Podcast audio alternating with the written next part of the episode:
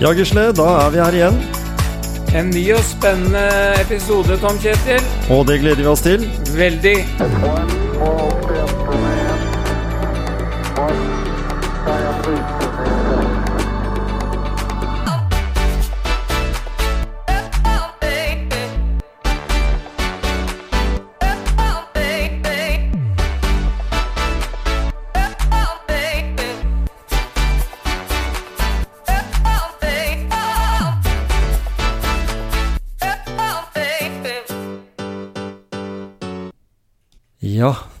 Er 2021 eh, over, Gisle. Ja, Godt nyttår, eh, Tom Kjetil. Godt nyttår.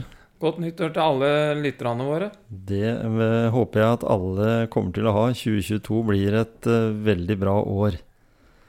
Her i Motivasjonspreik også. Det gjør det. Og vi har jo hatt et eh, fantastisk år også. Fordi nå har vi jo laga, tror jeg etter siste opptelling, godt og vel eh, snart 90 motivasjonspreik-episoder. Og det står i respekt av, Gisle.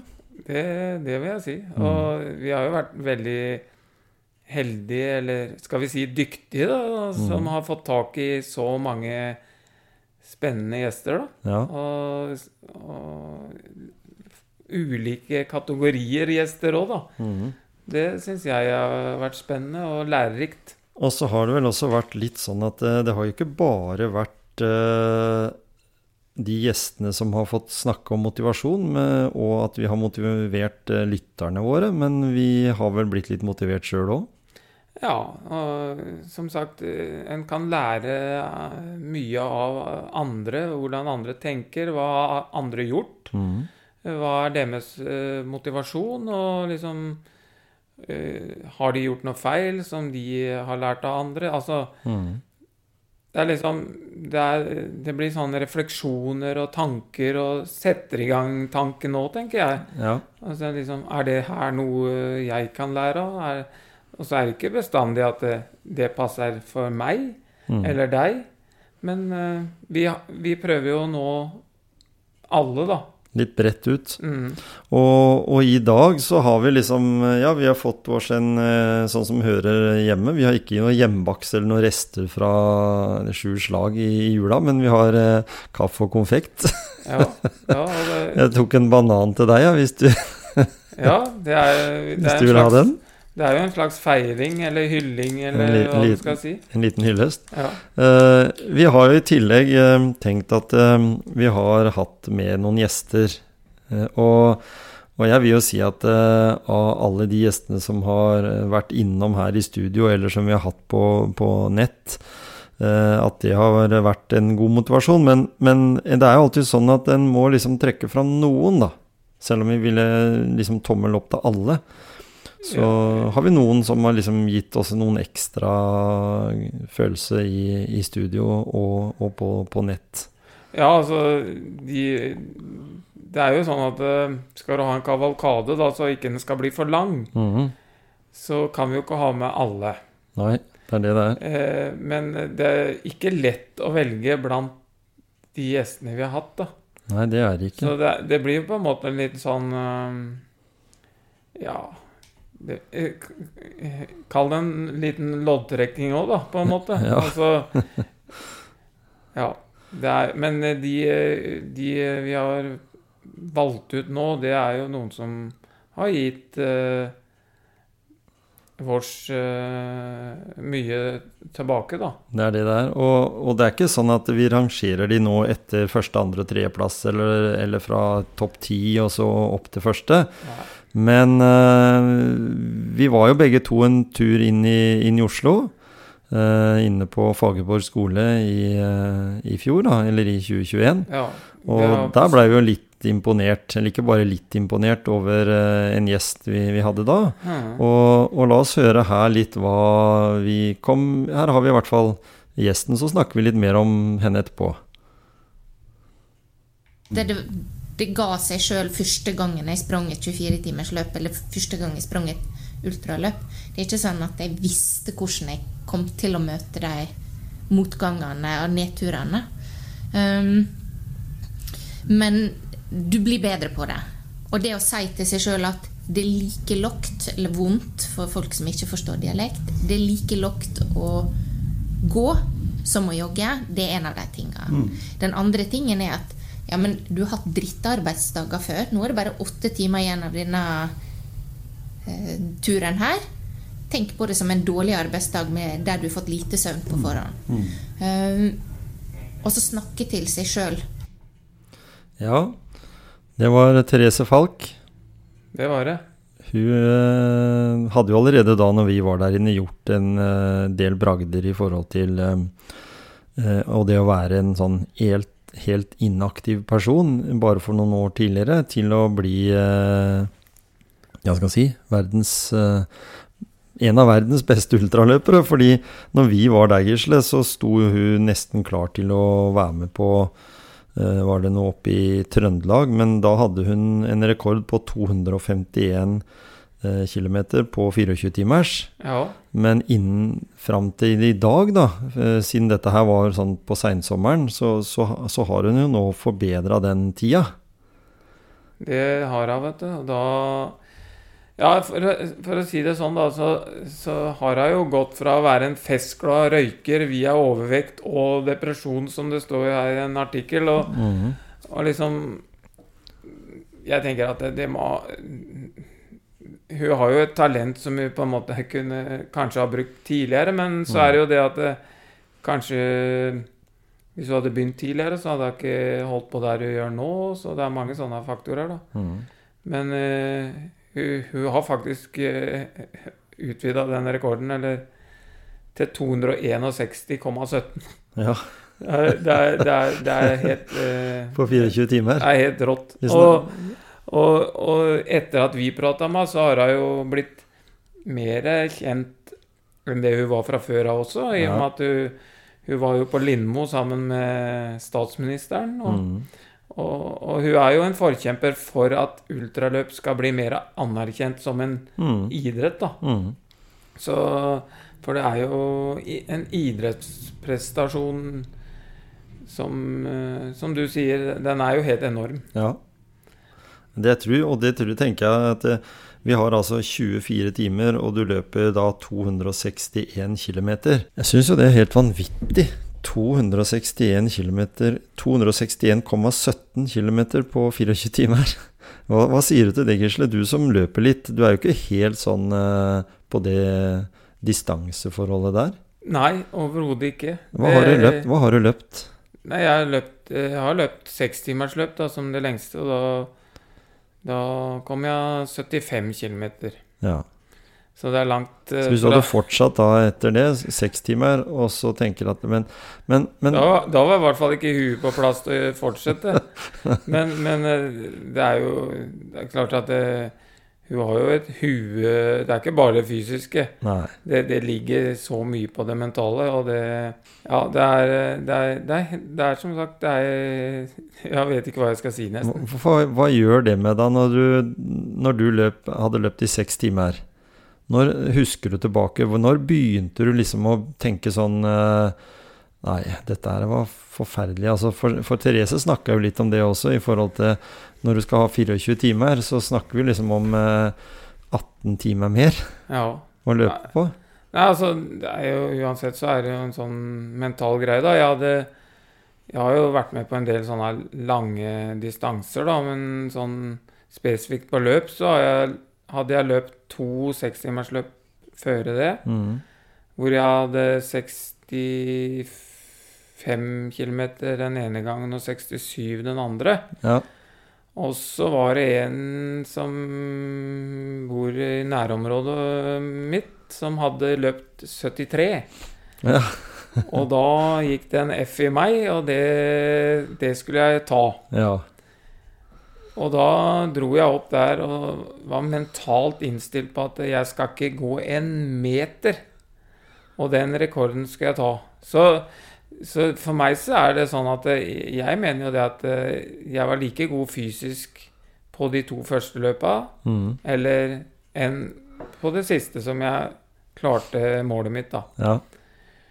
Så derfor så Det fysiske må jo selvfølgelig være på plass, men det er enormt mye på det mentale. Mm. Og det er der du kan lære av andre. Og det er der vi kan lære av Therese, Ja. hvordan hun tenker. Og så ta litt lærdom av det, og bruke det. Så, eller lære andre igjen. eh, Så Eller kjære, egen erfaring også. ja, så du kjære lytter som ikke har hørt da på den episoden med Therese, så må bare spole tilbake til 2021. Uh, der ligger det en episode med, med, med henne. Men ja, for når vi snakker om det mentale, da.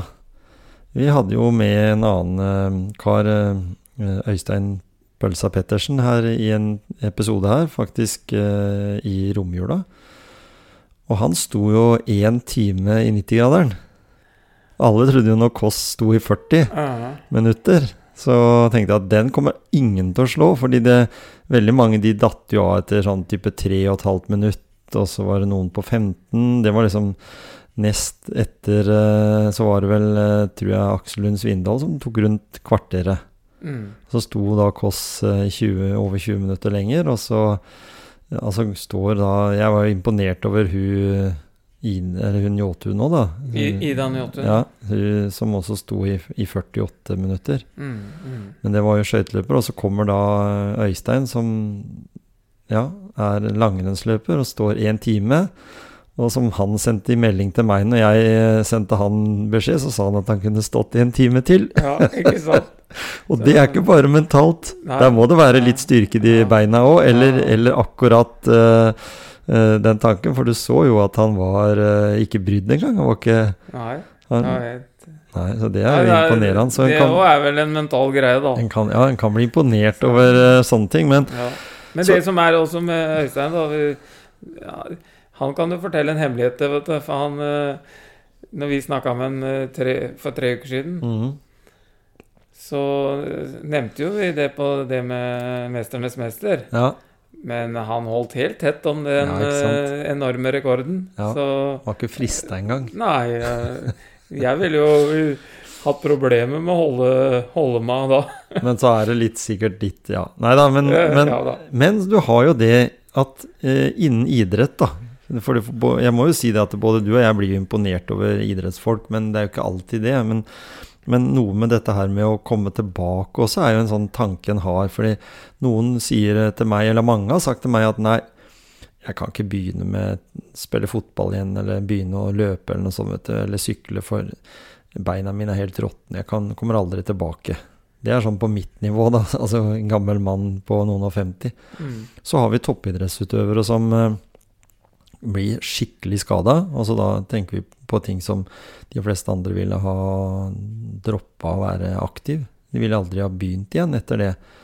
Uh, og der har, der har vi tatt tråden opp med i hvert fall et par utøvere. Og både du og jeg blei vel litt imponert. Og, og da syns jeg vi burde kanskje nevne en uh, ung langrennsløper som heter Kari Øyreslind Mm. som presterte å, å skade seg i en treningspause.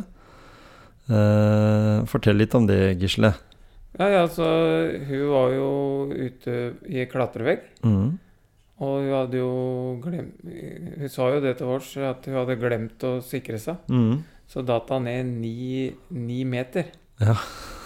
Og da, da lurer jeg på litt Liksom Hvordan klarte hun å, å liksom Hva rakk jeg å tenke liksom sånn med landing og sånn? Og hun Mm. hadde faktisk en strategi på vei de ni, ni meterne på hvordan hun ville lande. da. Mm. Men allikevel så ble jeg relativt hardt skadd. Men hun, hun var jo innstilt på å komme tilbake igjen i løypa. Og vi har jo sett det at eh, ikke bare har vært tilbake i vanlig langrenn, men hun var jo med og gikk langløp også. ja, ikke sant? Så, så det er jo bare å krysse fingrene for at uh, den framgangen fortsetter. Ta av seg hatten for det. Ja. Prestasjon nå. Mm. Uh, skal vi høre litt på hva vi snakket om der med, med Kari? Det, det var ganske fine brudd da, i hver ankel. Og så uh, tok jeg noen leddbånd i venstrefoten, da, som kanskje er dem som har vært eh, eh, plaga med lengst, da, som jeg fortsatt må jobbe med. Mm. Og så fikk jeg noe muskelavrivning i setet og noe ribbensbrudd og litt hjernerystelse. da. Mm. Men, Så men generelt litt sånn forslått. Ja. Men, men, eh, men klatring, det, du sa det var alternativ trening, og da har du jo holdt på noen år med klatring, eller? Og eventuelt, eh, eh, er det noe du kommer til å gjøre igjen, eller har du gjort det igjen etter skaden? Jeg har vært en tur opp i veggen, ja. Men eh, nei, altså eh, Jeg har ikke klatra ekstremt mye, men det har gått litt i perioder. Eh, og Nå er det noen år siden jeg har klatra sånn eh, jevnt. Og så er det mest buldring jeg har, eh, har drevet på med. Men etter det nye klatresenteret kom på Oppdal, så har jeg hatt litt flere turer der, da. Så helt nybegynner er jeg ikke, men jeg er ikke noe rutinert klatrer heller, nei. Men, men allikevel så tenker jeg når, når, du, når du har et sånt fall, da, så, så har jo du sikkert tenkt litt konsekvenser. For du, du har jo ambisjoner eh, innen langrenn. Så, så fikk du liksom en sånn Å nei, faen, liksom nå blir det mye greier. Ja, det, det Eller først så tenkte jeg jo at det gikk bra. Mm. Jeg trodde jo at jeg skulle opp og stå på føttene eh, ganske kjapt der. Men, eh, men så skjønte jo Altså når jeg prøvde å stå på føttene, så kjente jeg at det går ikke. Så, så da var det litt en sånn å faen, ja. Det er, da tenkte jeg sånn Det er så typisk meg at jeg skal eh, rote til med et eller annet. Altså, det var jo mest litt flaut at det, det er enda greie, da. um, så, så ja, jeg tenkte, jeg tenkte jo framover hvordan det her blir med trening og hvilke konsekvenser det får, da. Men jeg Mm. visste jo veldig lite der og da. Ja, så har du jo søsken også som, som går på ski, så da det blei ble det sånn familiegreie det der da, eller? Eh, altså, jeg sa jo ingenting, det ingenting til mamma og pappa, for de var på ferie, da. Ah, ja. Og så eh, var det først For jeg ble jo sendt hjem igjen fra sykehuset. Ja, det var en lang historie der, da, men også, det var ingen som ringte 113, så det var jo veldig sånn Det var aldri noe full skanning på kroppen, og det tok veldig lang tid bare for å få tatt røntgen på anklene og sånn. Mm. Eh, men i hvert fall så så ble jeg sendt hjem igjen eh, etter den første natta, da. Og så fikk jeg oppringning fra sykehuset morgenen etterpå om at jeg måtte inn og operere den ene ankelen. Mm. Og da sa samboeren til søstera mi at eh, kanskje det er på tide å ringe foreldrene dine nå. så da ringte jeg da og sa hva som hadde skjedd. Mm. Men det, det tok et drøyt døgn da, før jeg gjorde det. Hvor, hvor, lang, hvor lang tid tok det før du Ja, du bestemte deg sikkert eh, der og da for at jeg skal tilbake i sporet, men, men hvor lang tid tok det før du kunne begynne å gradvis trene deg opp igjen? Eh, ja, det er jo litt relativt, da. Det her skjedde jo på en eh, mandag, tror jeg. Så jeg var, jeg var på sykehuset fra tirsdag til onsdag. Eh, og da var jeg på treningssenteret første gangen på fredag. Da. Ja, Gisle, der hører vi det. Jeg måtte bare nødt til å ha med det der. Så Ja. kort tid etter en eh, så, for så vidt for alle enhver, en alvorlig skade. Ja, nei, det, det er liksom Det jeg kom til å tenke på, det var jo det at jeg Ja, for det første, da, så så trodde jeg ikke det var så gærent. Nei. Og da kom jeg på en gang jeg eh, oppe i Tveitanbakken eh, klarte å, å dette og slå hjernerystelse. Ja. Og, og det var det, det skjønte jo ikke jeg da, da. Men eh, jeg ville jo opp igjen med en gang. Mm. Og, og så gikk jeg oppover, så kom jeg til kuren. Og så sier jeg til treneren Er det du som har vært nede og bytta briller for meg? Det hadde jo jeg gjort sjøl. Mm. Og da fikk jeg beskjed om at du, du går bare ned igjen. ja. Så, men men eh, apropos det å, å liksom ja, komme tilbake, da, så, så sa vi jo gjerne det. Og hun, og hun nevnte jo det at hun hadde vært i klatreveggen igjen, da. ja. Og da, sånn med skihopping, hvis du datt eh, tidligere da, så, så sa de jo gjerne det at eh, Så sant du ikke har hjernerystelse, da, men mm. opp og hopp med en gang. Og det var, vel, det var vel litt sånn med han den norske som ble skada òg. At han Mm. måtte komme i gang igjen. Og han har jo fortsatt litt sånn uh, vegring. Han har, Ja. ikke, han har ikke overprestert eh, så veldig etter den skaden. Nei, og det, det er litt sånn spesielt, det der, syns jeg. Altså, Du kan godt se, stå og se på noen falle og slå seg, bli skada. Du kan se på nyheter eh, at det, det har skjedd en ulykke eller et eller annet. Men du, du, du, du blir ikke redd av den grunn. Men, men hvis du opplever det sjøl, så blir du redd for å Mm. gjøre det igjen, da. Mm. Derfor så er det viktig å eksponere seg så raskt som mulig, tenker jeg, Ja. For å komme tilbake. Men det er litt sånn der rart, det der, der eh, Hvordan vi må oppleve ting først, før at vi tar det liksom innover oss. Det er kanskje en bra egenskap, det altså, det er ikke det jeg mener, men, men det gjør jo sånn at man kanskje forstår hvor tøft det er f.eks. å komme tilbake i sånn ekstremsport som utfor og Mm. bilsport og sånne litt skumlere ting, da. Og der, og der tenker jeg på en ting når vi snakker om det her. Det, det, som, det som Kari gjør der, er jo enormt. Det er jo liksom du har sagt om langrenn. Liksom, er du i toppen i Norge, så er du i toppen i verden. Ja. Eh, og tenk på en episode med Aksel Lund Svindal, som blei skikkelig kvesta eh, i var det Beaver Creek, eller var i hvert fall et eller annet sånt sted en, som han på en måte Og den var en frykta utforløype. Og blir skikkelig skada og går liksom på krykker eh, i et halvt år, og så begynner å trenes opp igjen. Og så det, det første rennet som er i den bakken igjen, så går bort og vinner. Mm. Eh, ikke noe vegring, ingenting. Liksom, og, og de gjør jo besiktiging av, av, av løypa. Og det er klart at han analyserte jo ganske tidlig at det, det skyldtes ikke at han hadde gjort en dårligere jobb på løypa, men det kunne rett og slett bare være en kul som hadde, ikke var der under besiktelsen, men som var der da når han skulle gå. Det er bare sånne små, små Mm, ting, for det er jo stor fart og, og sånn. Men allikevel, liksom det å, å være så til stede allerede, fokusert, ikke få den følelsen av Altså, jeg tenker jo hvis hvis jeg har gått i en skikkelig takling i fotball, og så blitt skada, så går jeg litt forsiktigere neste gang. Mm. Ja, når jeg har blitt bra igjen. Men Mm. det er kanskje det som skiller en toppidrettsutøver fra meg, da. Eller fra andre som, som ikke blei det. Uh, nettopp det der at en, at en greier å nulle det ut. Men, men jeg tror ikke det er alle som greier heller. Overhodet ikke. Og mange som forsvinner ut Ja, ja. etter skade. Og, og at vi må jo håpe at sånn som Kari eh, greier å hevde seg, og, og, og du nevnte jo det at hun hadde vært aktiv i, i langløp, og, tøy å teste ut litt eh, ut i forhold til det, og det ser vi jo med Mikael også, som vi hadde med Mikael Gunnulfsen, som vi også hadde med i en episode. Mm. Det der som imponerer meg, det er liksom den måten, det tankesettet, det mønsteret som ligger i at, det, at den blir god, da Mm. akkurat det. Der er jo ikke noe fasit, og det er ikke noe mal for det. Men vi har vel lært litt om det etter hvert som vi har snakka med en del utøvere, enten det har vært innen idrett eller, eller kultur eller, eller næringsliv.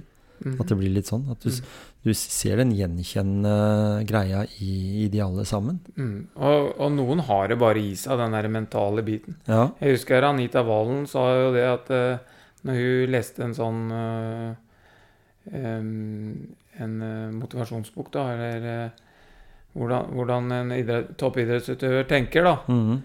så sa jeg jo det at eh, Det er jo akkurat som jeg har skrevet den. ja.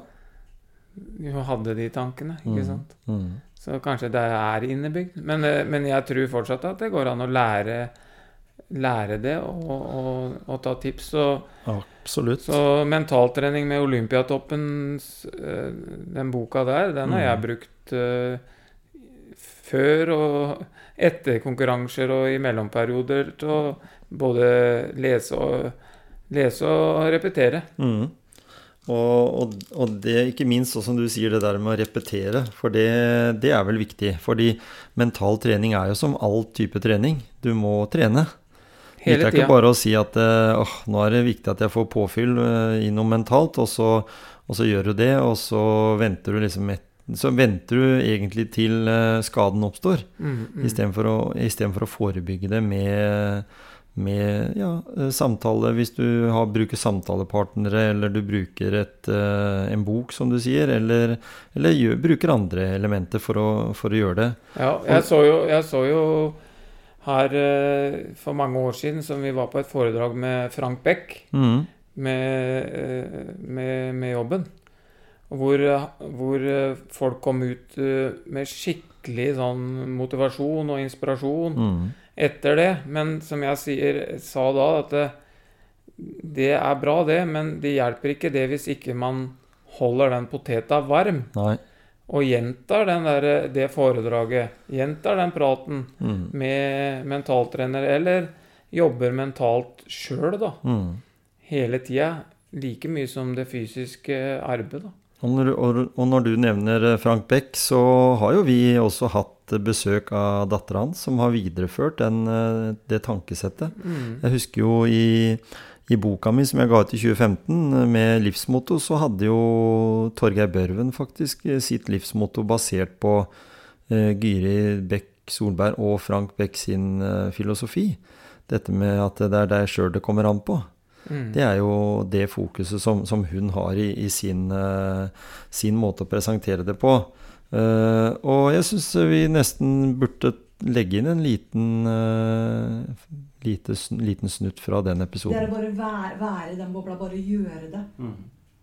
Aksel Lund Svindal er jo bare en verdensmester til akkurat det. Han sto på startstreken, og så bare gjorde han. Og så etterpå så vurderte han.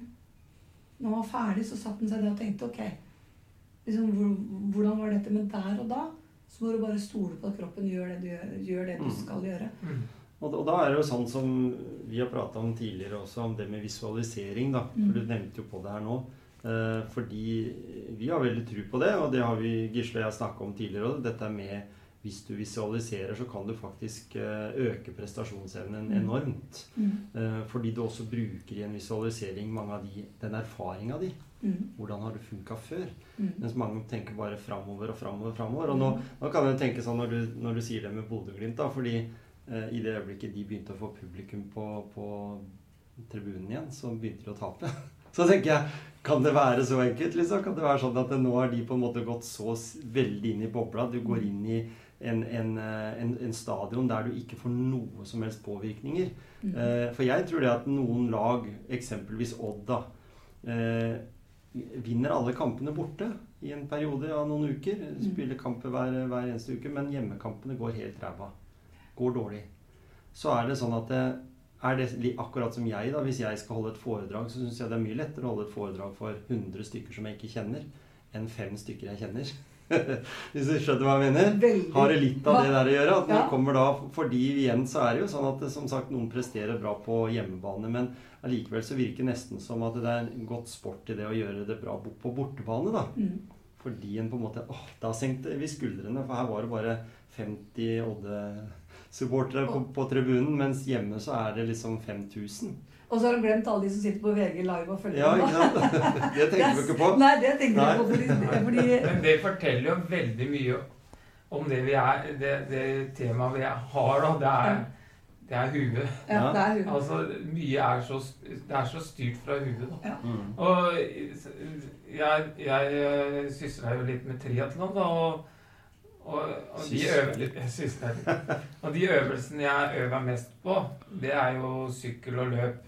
Svømming har jeg ikke øvd så veldig mye på. Men, eh, og det er ikke tull engang. Jeg lærte meg å crawle på sofaen. Gjennom den her. Mhm. Nå peker jeg på huet, da. Det er ikke tøy. Det er ikke tøys engang. Jeg, jeg vet at eh, det har så mye å si hvordan man prater til seg sjøl, alle de tinga. Men det er arenaer som jeg ikke klarer å være god på det med huet. Okay. Som skaper sperrer for meg. Som ikke jeg klarer å få helt tak i. Og det handler jo litt om trygghet og sånn i, i ulike situasjoner. Så kan det, Poenget mitt er jo det Du kan prestere godt på, på noen arenaer og ikke ha noe prestasjonsangst eller noe. Men på andre arenaer så kan du ha problemer. Mm. Så, og, og det er jo det som er Derfor så trenger alle kanskje noen å prate med og spare med, da. Selv om man presterer godt på noen felt. da. Mm. Og takk for at du sier det. Mm. Vet du hva, For det, det heier jeg så på. Jeg, det tror jeg på. Mm. Jeg tror det er viktig at, eh, at det, sånn som fotballspillere da, har en å prate med som ikke skal bestemme spilletida di. Mm. Som ikke skal bestemme plassen din. En som du kan komme, slenge beina på bordet og bare være deg sjøl. Mm. Liksom bare være Kåre liksom som kåre kåre ikke fotballspilleren. Jeg tror det er så viktig, og det så jeg når jeg jobba på toppidrett. De kom jo til meg, og de liksom satte seg ned med beina på bordet og liksom Åh, det er godt å være her. Mm. Det var ikke fordi det det var jeg som var der, det var fordi det var en på utsida. Ja. Jeg hadde ikke noe med Odd å gjøre, eller jeg hadde ikke noe med skolelag å gjøre, eller noen ting. Det er det å føle trygghet. Da, Jeg har så lyst til å vise dere noe, men jeg kanskje skal ta det etterpå. Jeg går, jeg går med en lapp i lomma som det står 'trygg' på. Mm. For jeg gruer meg sånn hver gang jeg skal gjøre noe. Så, og jeg kan godt vise den sånn at dere tror Ja, ja, ja. Ja, for, og nå her alle radiolyttere, nå tar jeg opp, og nå skjelver jeg litt, for at den betyr så mye for meg. Og der står det 'trygg', liksom. Ja. Ja, Gisle. Uh, da kommer vi jo rett inn i det her med, med det mentale. Mm. Det med visualisering og det med å rett og slett, som du sa i gamle dager, bruke huet. Ja, og så er, det, så er det jo sånn som vi hørte her, da, og som jeg sa, da. Eh, For min egen del så er det noen er trygg på, og andre ting er han ikke så trygg på, da. Mm. Så, så vi har alle noe å jobbe med. Jeg, vi har jo prata med Erik Bertrand Larsen. Han har jo hjulpet eh, Martin Jonsrud Sundby. Ja. Og man skulle jo tro at eh, ja vel, han, han som er verdens beste Eller var, da. Eller han er jo ikke det nå lenger. Eh, fordi han har på en måte trappa ned der. Men eh, man skulle jo liksom tro at eh, Nei, han trenger vel ikke noe mentalt påfyll. Han greier seg sjøl. Han er jo verdens beste. Mhm. Men, eh, men jeg tror eh, alle trenger noen å prate med uansett, da. Mm. Om du kaller det for mentaltrener, eller du kaller det for kona di, eller en kompis. Mm. Det, det syns jeg er viktig. Altså eh, Jeg tror en, en, en kompis kan gjøre en vel så god jobb som en psykolog eller mentaltrener, liksom. Det er bare å møte den rette, og så ha den rette kjemien, da. Ja, for utgangspunktet så har jo ikke noe med alle, alle disse her åra på skolen å gjøre. Akkurat det der med å, å lytte til hva andre har å si, tenker jeg.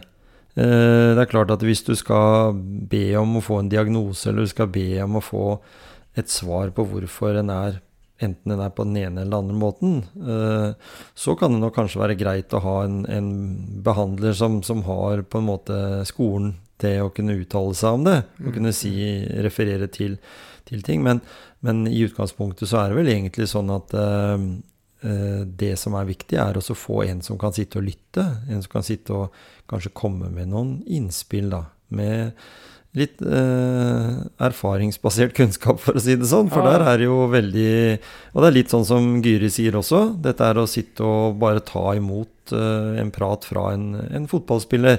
Og hun vet jeg jo har hatt eh, både nasjonale og, og internasjonale fotballspillere altså som hevda seg på landslagsnivå eh, i, i, i samtaler. Så, så hele den biten der har jo mye å si, tror jeg, da. Så jeg, jeg tenker liksom Det er viktig å finne en som, som har trua på det, da. Mm. Som, som, eh, som ser, eh, ser potensialet ditt. Og da tenker jeg litt på en vi prata med her eh, i høst. Mm. Jan Ivar Slåen. Ja. Eh, hvor han på en måte var litt opp, eh, gitt opp av samfunnet, nesten sagt. Mm. Gjennom at han hadde en fortid som rusmisbruker og, og kriminell. Og så traff han en som var hans ruskonsulent, Ja. som, som hadde trua på han. Mhm. Og, og liksom fikk han til å tro på at han kunne jobbe på XXL, f.eks. Ja. Eh, Som han Jan, Jan Ivar sa da at eh, Nei, jeg tror ikke jeg kan det. Jo, det tror jeg du kan. Ikke sant? Altså den derre sparringspartneren. Mm. Du må ha noen som hjelper deg. Den, vi kan jo kalle det for den gode hjelperen, da. Ja. Og, og jeg, jeg syns vi skal høre på, på en, eh, en liten eh, prat vi hadde med, med Jan Ivar her. Manger idrettslag. Ja. Og de har tatt meg utrolig godt imot. Og jeg er så glad for å være en del av det, for det var liksom sånn at ja, du burde ikke være med på det, og de ringer meg på privaten og vil ha meg med på ting. Og jeg husker jo helt i starten så, så fikk jeg låne en trådsykkel. Og så fikk jeg beskjed om at eh, om tre uker så skal du være med på sykkelritt nede i Fevik. Ja. En runde der rundt der. Oi, oi, oi, oi. Så tenkte jeg liksom det var da voldsomt. Men eh, jeg var med på det rittet. Og jeg kom i mål. Jeg kom jo ikke først, men jeg kom heller ikke sist, da. Og det syns jeg var litt kult når jeg klarte den hestringa av å Mm. klare noe. Jeg tror det var det som fikk meg til å snu. Ja. At da følte jeg meg så inkludert, og så klarte Jan Ivar å gjøre annet enn å bare gjøre faenskap, da. Mm. Og ruse seg i hæl. For jeg har jo vært død flere ganger. Så det har vært masse sånn, da. Mm. Så det har kanskje vært en mening med at ikke jeg skulle Liksom, jeg har blitt redda livet på av min mor og ja. bestemora mi en gang. og Mm. Så det har vært mye tragisk, men jeg er veldig god på å glemme det som har vært vondt, da. Mm. Det er kanskje ikke så bra bestandig, men jeg er veldig sånn at ok, det var før, nå går jeg videre. Se framover. Mm.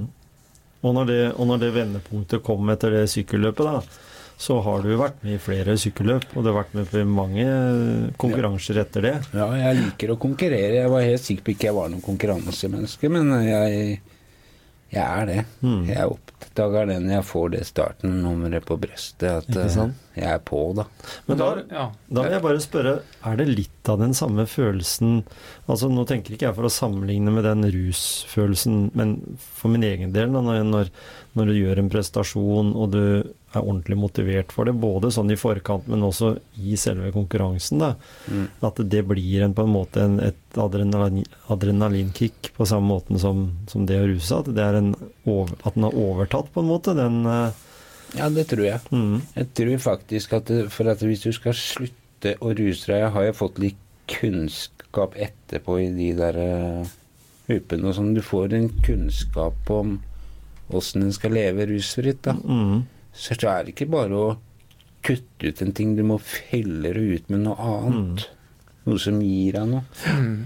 Noe, Det er- noe du kan være opptatt av, ja. Ikke sant? mm, Mm. Så jeg er veldig sånn Jeg liker å være opptatt av ting, og så liker jeg at folk liksom kan se at jeg har blitt en ordentlig fyr, da. mm, Mm. At det er hyggelig å være sammen og, ja. og sånn. Mm. Og, det, og det, det er jo noe du har hatt med deg hele tida, men når du sa her tidligere at du havna verken i selve rusmiljøet, men du rusa deg, og så blei du ikke helt akseptert i det vanlige, eh, vanlige miljøet heller, Nei. så datt du mellom to stoler og, og blei værende der. Eh, og, og det at du gjorde kriminelle ting, var det mest pga. å dekke rus? Altså for å få tak i stoff, eller var det Ja, det var det. Ikke sant? Men jeg starta jo med kriminalitet før jeg begynte å ruse meg, men det var mest for å være Og så gjøre det som kompisene mine gjorde, egentlig. Mm. For jeg var litt lett å lede, da. Mm. Og så var det litt kult òg i starten, da. Mm. Ja, der fikk vi jo høre det. Det er glad historie, vel. Ja, at en har på en måte vært igjennom det helvete og greier å, å reversere og, og ende opp uh, ut ifra eh, det totale bildet, så ut ifra en helt annen hverdag han har i dag. Det, med det å være i jobb og det å motivere andre til å slutte å ruse seg. Det blir sånn, litt sånn omvendt. Mm. Eh, Vi har jo snakka med mange som skal motivere folk til å fortsette eller komme tilbake, eller, eller i det hele tatt å være på hele tida. Så, så har jo han på en måte vært med på å få folk til å koble seg av et Mm. rusmiljø, da, Mm. og heller finne andre verdier. Mm. Så all respekt til, til Jan Ivar og den jobben de gjør, Mm. både i det, de organisasjonene han er aktiv i. Og det må nevnes at um, den klubben som ikke det kom navnet fram på på den klippet der, det var Eidanger. Ja. Det var uh, gøy fritid for alle, tror jeg det prosjektet Ja. heter. Og de har hatt flere prosjekter, bl.a. Rocketman, som har hatt uh, litt omtale i, i media også. I, Vært i vel Lindmo der også. Mm. Mm. Så veldig interessante opplevelser. Jeg, jeg må jo si at eh, jeg har gått mange ganger fra, fra studio her og vært helt oppunder taket av motivasjon. Ja, ja, ja. så, så, så mange av de vi har fått nevnt nå, så, så tenker jeg det at eh, Uh, ikke det at vi skal gå dypere inn på det, men vi hadde jo med en som heter Daniel Osen også, Ja. som, som uh, var litt var interessant, for han har jo akkurat gitt ut en bok om motivasjon. Mm. Og, og han eh, har jo på en måte øh, jobba mer i dybden med det begrepet motivasjon, da. Mm. Så, så han har jo fått en del sånne forsker, forskere til å uttale seg. Eh, Vi har jo mer søkt motivasjon hos den menige mann, alltid fra det til, til eh, idrettsutøvere og andre. Så, så vi har jo, plukker jo på en litt annen måte. Men vi har jo ikke tenkt å slutte der. Vi har ikke Nei, noe bløtkake på bordet her i dag Nei, for å feire 2021, Ja, men vi, vi går jo inn i 2022 med voldsomt motivasjon. Ja, altså vi har jo nye gjester på blokka, vi, som eh, allerede har sagt ja til å ville være med å, å motivere vårs Mhm. og lytterne. Ja, ikke sant? Så vi er ikke arbeidsledige på den fronten. Så selv om du og jeg sluker nå første episode i denne nyttårskavalkaden, så, så skal vi ha da mm, i hvert fall 50 uh, forskjellige nå fram i 2022. Ja. Mm -hmm. og det som er Hvis vi skal si vår motivasjon, da, det er jo Det har jeg jo nevnt før, men vi kan jo gjenta det. Det er jo at hvis, hvis, vi bare kan motivere én person, mm. så er jo vi fornøyd. Ja. Men vi er jo veldig fornøyd hvis vi motiverer 100 og kanskje 1000. Og mm. vi hadde vel ikke sagt nei takk til 100 000 heller. Men, men, men så motiverer vi oss sjøl òg, som du sier. Vi, Ja. vi har jo glede av det, og vi Mhm. Snapper jo opp noen gode råd og sånn. Og, og så har vi jo Vi jobba jo hele tiden med å utvikle podkasten. Mm. Vi, vi har jo jobba veldig mye med lyd, da. Og Ja. bli bedre på lyd. Mm. For det er jo det er jo egentlig litt sånn alfa og omega, Det, føler jeg. det er som god smøring på ski. Ja, altså, Det er jo litt sånn, Du går ikke gode skirenn uten ordentlig feste.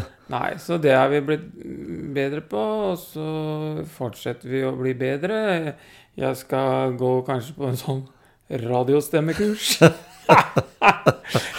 Det tror jeg Nei, du, du hva? det har du. Du jeg har har helt avslappa skuldre til Ja. det, egentlig. Ja, for det For, for jeg tenker at uh, Jo, det her, eh, det har jeg lyst til, og ja, det er sikkert eh, potensialet for noe Ja. Jeg satt, eh, eh, for jeg satt her i helga og gikk igjennom alle, alle episodene. Jeg tror vi kom opp i nesten Jeg tror vi kom opp i 89 episoder. Ja. Uh, og gikk gjennom og redigerte litt, og så tenkte jeg at eh, ja, her hørte jeg jo litt forskjell, da. ja. Både på måten ting blei formidla på, eh, innholdet selvsagt, men også den her selve, selve profilen. Så vil jo sikkert noen si at ja, men herregud, dere har ikke noe god profil i dag heller, men eh, alt er relativt på en måte. Så, men, men altså, det er lov å si liksom det er jo, Vi ser jo det at det er mange som sier sånn Jeg har hengt opp en lapp som står 'Jeg er bra nok', liksom, Mm. da. Mm. Og det er lov å si. Mm. Men allikevel så syns jeg det er lov å, å ha litt um, Noe å jobbe mot, da. Mm. Og det er lov å føle at du blir litt bedre dag for dag, da. Nemlig. Som de sa i den sangen, husker du den? Ja, bedre dag for dag. Ja. Det var jo faktisk ikke bare en sang, men det var en, eh, en type treningsopplegg for eh, voksne. ja linje, Bedre og bedre dag for dag. Linjegymnastikk. Ikke sant? Mm. Og, og det er, hva, hva heter det i dag? Det er jo sånn type trening Ja, det, du får. ling, det kommer jo fra linjegymnastikk, har jeg skjønt. Det er en sånn svensk greie, da. Mhm. Og jeg er litt fan av det. Ja.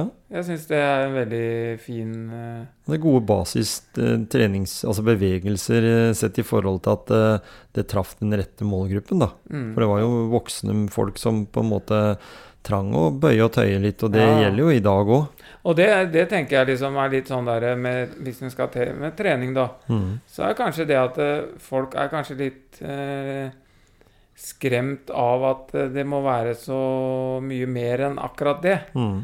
Og det er jeg litt opptatt av, da. Det må ikke det, være det skal vi snakke om seinere. Det kan være på treningssenter, men det må ikke være. Det kan eh, være i eh, organisert idrett i et idrettslag, men det må ikke være det. Det kan være med vekter, men det må ikke være Nei, med ikke sant? vekter. Ikke sant? Så liksom Her fins det bare muligheter. Vi skal prate mer om det òg. Vi, Mm. vi gir oss ikke der. Nei. Vi repeterer litt med det òg. Og, og, og vi har jo ikke tenkt nå å begi oss ut i 2022 eh, bare mot idrettspersonligheter, altså relatert til toppidrett eller noe sånt, men, men også andre kan kalle det grener, altså andre retninger i, i livet. Altså kanskje en på en måte ikke Kanskje blir motivert av å ikke trene, men å drive med andre ting. Ja, og det har vi jo hatt også. Hobbyer og ha gode hobbyer som gir mye mening. Og, og mange har jo en aktiv hverdag i dag. Eh, se på det at en, eh, hvis en har en jobb der en går eh, Jeg har mange kolleger som går sikkert 12 000-13 000 skritt i løpet av en arbeidsdag. Og føler at det holder, hvis en tenker sånn, da. Mm. Eh, og og jeg tenker sånn at ja, men hvis jeg kan gå så mye på jobben, så kan jeg jo også sykle til og fra jobb, så får jeg litt ekstra, og så går det an å ta en treningsøkt ved siden av. For nå er det noe med det, Gisle, at uh, det som en gjør sånn monotont, hvis en kan kalle det det, da, i en arbeidssituasjon Jeg pleier å ta et eksempel. En som står og graver i ei grøft hver dag fra åtte om morgenen til tre på ettermiddagen, og går hjem og ikke gjør noe annet, han får en sliten og vond rygg. Eh, mens eh, han som da tok seg en tur eh, og, og trena rygg eller mage, eller tok noen øvelser, ville for det første kanskje holde ut lenger, men kanskje ikke få de samme plagene når en, når en eh, blir eldre. Da. Men, Ja, men, men fordi det, det gjør jo at det da kombineres jobb med, med trening. At, at jobb ikke alltid eh, For den, den blir veldig en, ensfoldig. ja, og det er det forska på. Ja. At m- mye sånn fysisk arbeid kan bli veldig ens, eh, ensformig. Mm, sli- og overbelastende på, eh, som du sier, på ett punkt. Ja. Så det er også litt interessant, eh, Mm. det der. Så vi kommer til å ha en kjempevariert podkast. Vi er vel fornøyd med det. Vi Champagnekorken har jo smelt. Yep. Så vi er klare til nye utfordringer i, i eh, 2022. Og er det noen der ute som vil følge oss på Facebook, eh, Instagram, andre steder der du plukker opp motivasjonspreik, så, så gjør det. Ja, og, nå- ja, ja, Og følg også bloggen til uh, Gisle. Du skriver litt også om de temaene som vi, som vi på en måte utdyper litt i enkelte av episodene våre. Mm. Men nå skal jeg prøve meg på en uh, omvendt psykologi. Ja, Så jeg oppfordrer alle til å ikke dele podkastepisodene våre. Helt enig. Ikke del podkastepisodene våre. Eh, vi avslutter med det.